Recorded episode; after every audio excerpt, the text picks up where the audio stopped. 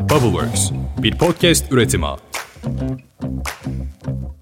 Mükemmel nedir? Sözlüğe bakarsak hiçbir eksiği, kusuru bulunmama, yetkin olma durumu, eksiksizlik, kusursuzluk, yetkinlik. Peki mükemmellik mümkün müdür? Özellikle de bir heykelde. Michelangelo'nun Davut heykeli dünyadaki en mükemmel heykel olarak kabul ediliyor. Yüksek Rönesans sanatının estetiğini ve Yunan heykelinin teknik hünerini yayan bu heykeli bilirsiniz. Bilmeyenleriniz varsa aramızda hemen fotoğrafını açıp incelesin. Floransa'da Galleria dell'Accademia'da her gün yüzlerce ziyaretçisiyle buluşan Davut heykeli sizi fotoğraflarından bile kendine hayran bırakabilir. Peki mükemmelliğe böylesine yaklaşan Michelangelo bunu kadın heykellerinde başarabilmiş miydi? Herkese selam, Ditopik Düşüncelere hoş geldiniz. Ben Dilara. Bu arada Ditopik Düşünceler Podcast'te bir aylık bir ara veriyoruz. Çünkü sizler için daha güzel bir sezon hazırlamak istiyoruz. Ditopik Düşünceler'in birinci sezonu bitti. Ama ikinci sezona çok daha güzel dönmek için bu küçük arayı vereceğiz. Bir ay sonra tekrar çok daha güzel bir şekilde görüşmek üzere.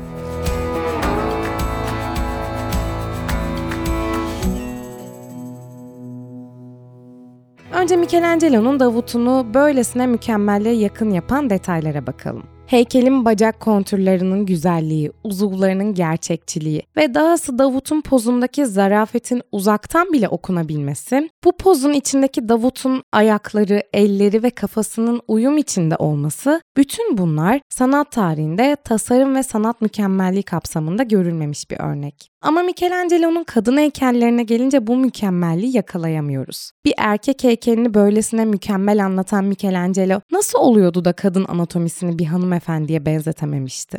Michelangelo ne zaman Lorenzo de Medici'nin sarayında hekim ve filozof üyelerden oluşan halka açık bir incelemeye katılmış, işte o zaman anatomiye ilgisi başlamış. Ve bu anatomiye ilgisi ömür boyu da sürmüş. Yani aslında Michelangelo anatomi bilgisi oldukça da yerinde bir sanatçı. Öyleyse onu kadın anatomisini iyi yansıtmaktan alıkoyan şey ne olabilir? Bu durumu incelemeye Michelangelo'nun Gece Heykeli eseriyle başlayabiliriz. Floransa'daki Medici şapelinde bulunan Lorenzo di Piera de Medici'nin mezarındaki gündüz heykelinin tamamlayıcı parçası olan heykelden bahsediyorum. Gece heykelinde Giuliano di Lorenzo de Medici'nin ayaklarının dibindeki lahitte yatan çıplak bir kadın görürüz. Bu kadının meleksi görünümü melek hakkındaki ilk yorumumuz olabilir. Ama bu meleğe dişi bir melek der miydik? Ona bakalım. Meleksi bir his veren heykelin yüzünden aşağı doğru indikçe bu kadın heykelin kaslı erkeksi vücudunu görmeye başlarız. Örneğin sol göğsü şekilsiz ve sert görünür. Daha da aşağı indikçe sağlam, biçimli bacaklarını görürüz. Kesinlikle ilahi yüzüyle vücudunun geri kalanı arasında bir uyumsuzluk vardır. Öte yandan Michelangelo'nun diğer şaheseri Daun heykelinde ise kıvrımlı göğüslere sahip gibi görünen ama esasında oldukça kaslı bir fizikle karşılaşırız. Benzer bir şekilde Sistine Şapeli'ne daha yakından bakarsak ve 12 havarinin kadın peygamberlerini incelersek Michelangelo'nun androjen özelliklere sahip kadınları temsil ettiğine kolaylıkla ikna olabiliriz. Devasa vücudu ve iri pazılarıyla rahibe kümeyen Sibil'i hayal edin. Libyalı Sibil'in yüzü ruhani görünse de fiziği bir Olimposlu'yu andırır. Yani Michelangelo kadın peygamberleri erkek peygamberler kadar anıtsal olarak tasvir ederek cinsiyetçilik yapmayan bir öncü olabilecekken kadın bedenlerinde açıkça bir sorun var ederek bu öncülükten uzaklaşmıştı. Tabii ki bu durum sanatseverlerin dikkatini çekmiş ve rahatsız etmişti. Güçlü omuzlar, kalın bacaklar, belirgin kaslar. Bu özellikler bir kadında tabii varsa haşa. Ama yoksa da neden yapıyorsun bunu Michelangelo'cum? Ve nihayetinde bu durum karşısında sanat tarihçileri Michelangelo'nun kadın formunu erkekleştirdiğini, çünkü kadınları aşağılayan ataerkil bir toplumun ürünü olduğunu teorize ettiler. Ya da erkekleri daha güzel bulduğu için bunu yaptığını söylediler. Ama tabii Michelangelo'nun günahını almak için biraz erken davranmış olabiliriz. Durumu anlamak için İskoçya'ya Edinburgh Üniversitesi'ne gidiyoruz. İskoçya'daki Edinburgh Üniversitesi'nde İtalyan Rönesans sanat tarihi dersi veren Gilles Burke bize Rönesans döneminde çıplak kadın modellerinin kolayca bulunmadığını söylüyor. Çünkü o zamanlar bir kadının tanımadığı bir ressamın önünde çıplak durması uygun görülmezmiş. Ve bu nedenle anatomik diseksiyonlara yani diseksiyon dediğim herhangi bir organizmanın iç yapısını incelemek üzere dışını yarıp parçalara ayırarak inceleme Bu anatomik diseksiyonlara tam anlamıyla ilk elden tanık olan Michelangelo gibi bir ressam bir kadın figürünü pek iyi hayal edememiş olabilir. Adamcağız ne yapsın karşısında bir kadın poz vererek durmadıysa o da kadınların sadece göründüğü ve gözlemlediği kısımlarını resmedebilmiş ya da heykel olarak yapabilmiş. Zaten Michelangelo'nun kadın heykellerine baktığınızda yüzü meleksi, kadın aurasına sahip profiller görüyoruz. İş ne zaman kadının boynundan aşağısını yapmaya geliyor? O zaman Michelangelo erkek anatomisine kayıyor. E şimdi haklı mı? Haklı. Derken Gilburke bu teorisinde kendisiyle çelişmeye başlıyor. Hayda ne güzel aklamıştık Michelangelo'muzu cinsiyetçilikten. Ne oldu şimdi? diye soracak olursanız diğer heykeltıraşların eserleri bir dakika bir dakika biz buradayız diyerek aklımızı çelmeye başlıyor. Michelangelo'nun çağdaş muadili mimar ve ressam Raffaello Sanzio, İskenderiyeli Aziz Catherine'i kıvrımlı bir vücut, esnek göğüsler ve şehvetli bir aura ile resmetmişti. E Dilara aklımız karıştı. Söyle şunun nedenini diye soruyor olabilirsiniz ama bir dakika ben de anlamaya çalışıyorum. Bak Michelangelo'cum isteyen nasıl resmetmiş kadın vücudunu? Sen neden yapamadın bu işi diye araştırmaya devam ediyorum. Bu konuyla ilgili görünen başka bir teori daha var. O da Rönesans döneminin ataerkil doğası. Şimdi burada Thomas Lacker isimli tarihçi bir abimiz karşımıza çıkıyor ve diyor ki sadece bir genel olarak kabul edilen beden vardı o zamanlar ve bu beden de erkek bedeniydi diyor. Bu bir erkek prototipin en üstün olduğu ve diğer her şeyin kusurlu olduğu anlamına geliyormuş. Evet evet bu da olmuş sevgili dinleyenler. Kadın bedeni esamesi okunmayan bir yere de gelmiş yani.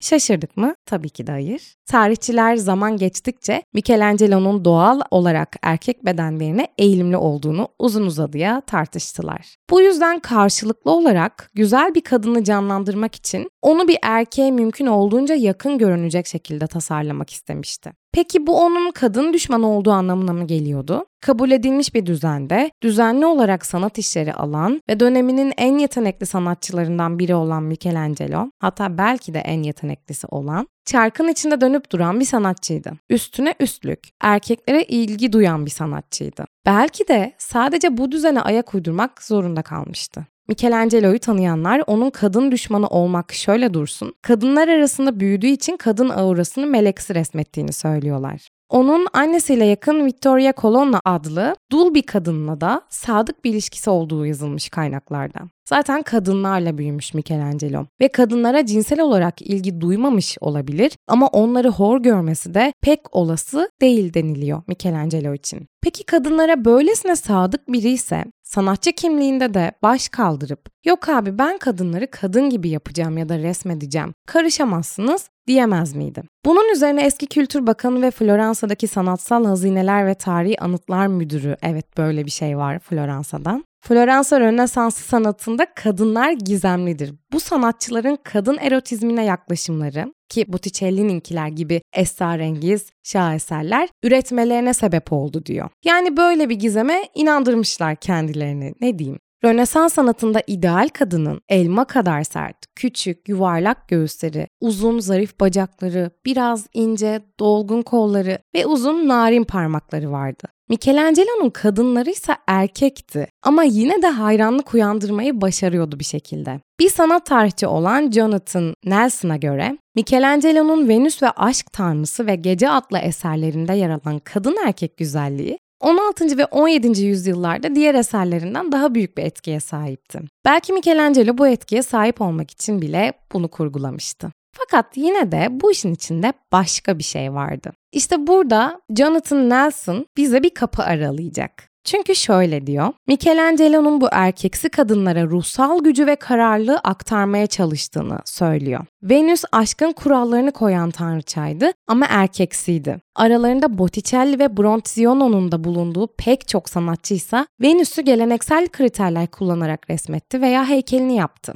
Botticelli'nin Venüs'ün doğuşu tablosunu hatırlayın. Yumuşaklık, bastırılmış cinsellik, güzel hatlar, çok güzel bir kadın gözünüzün önüne geliyor değil mi? Ama Michelangelo onlardan farklı olarak resmettiği ya da heykelini yaptığı bu kadınlara, Venüs'e, gecedeki figüre ve Sistine Şapeli'ndeki çeşitli kadınlara etkileme, hareket etme ve karar verme yeteneklerini vurgulamak için erkek dişi güzelliğini birlikte kullanmaya cesaret etti diyor bu tarihçi abimiz. Nelson, Michelangelo'nun eşcinsel eğilimleri nedeniyle erkek güzelliğini tercih ettiği ve sadece erkek modelleri kullandığı iddiasını reddediyor. Genel olarak kadınları hayata sadık değil, kadınlığın ve kadınların oynadığı rolün idealleştirilmesi olarak yorumluyor. Açıkçası ben bir yumuşadım Michelangelo'muza. Yani zaten o böyle cinsiyetçilik yapmazdı bence.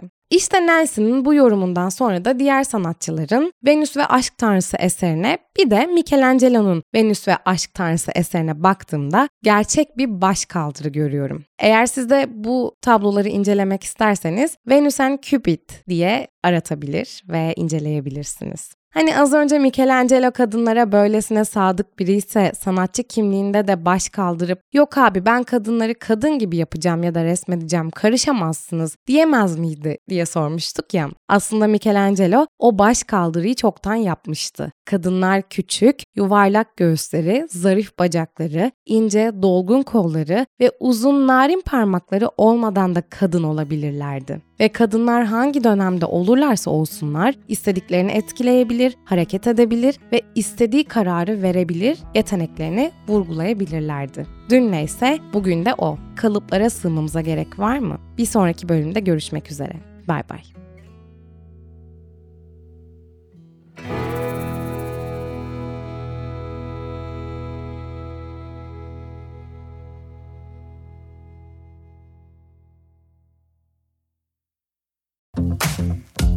Bubbleworks, bir podcast üretimi.